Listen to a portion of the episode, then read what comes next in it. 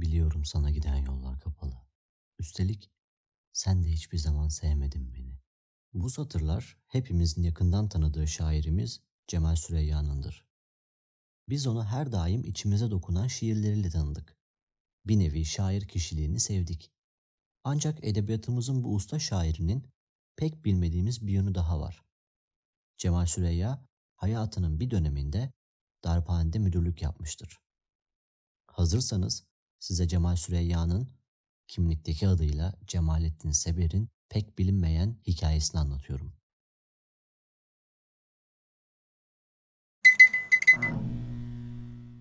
...1975 tarihinde Cemal Süreyya yani Cemalettin Seber darphaneye müdür olarak geldiğinde bütün yolsuzlukları, hataları tespit edip rapor eder ve bunu Ankara'ya gönderir.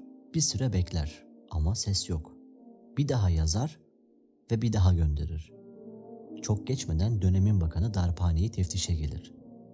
Bakanın darphaneye geldiğini duyan Cemal Süreyya ve yardımcıları bakanı karşılamaya kapıya giderler. Bakan gelir ama Cemal Süreyya'nın elini bile sıkmaz. Şair durumu anlamıştır. Bakan o rapordan çok rahatsız olmuştur. Bakanın amacı belli. Aniden darphaneyi teftiş ediyor ve bir bahaneyle Cemal Süreyya'yı görevden alacak. Dönemin bakanı darphanenin koridorlarında gezinirken her kapıya şunu sorar. Bu kapının arkasında ne var? Şu kapının arkasında ne var? O kapı niye kapalı? Şu kapı nereye açılıyor? diyerek bütün kapıları açtırır ve her yeri denetler. Cemal Süreyya ile hiç muhatap olmaz. Yardımcılarına sorar. Bir iki saat sonra bakan kızgın bir şekilde darphaneden ayrılırken tekrardan herkese tokalaşır ama yine Cemal Süreyya'nın elini sıkmaz.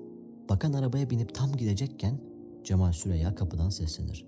Sayın Bakan, bir kapı daha var ama o kapıyı size hiç açmayacağız. Bakan aniden sinirli bir şekilde seslenir. Hangi kapı? Ne kapısı? der. Cemal Süreyya şu şekilde cevap verir. Gönlümüzün kapısı. Kısa bir süre sonra bakan gider ve bir rapor hazırlar. O raporun sonucu da darphaneye resmi olarak gönderilir. Raporda yazan sonuç şudur. Darphane bakan tarafından ziyaret edilip incelenmiş ve çok pis bulunmuştur. Müdür Cemalettin Seber yani Cemal Süreyya görevden alınmıştır.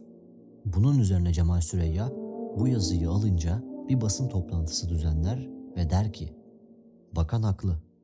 Gerçekten de şanlı darphane tarihinde ilk defa o gün kirliydi. O da Sayın Bakan'ın burada teftişte olduğu saatlerdi.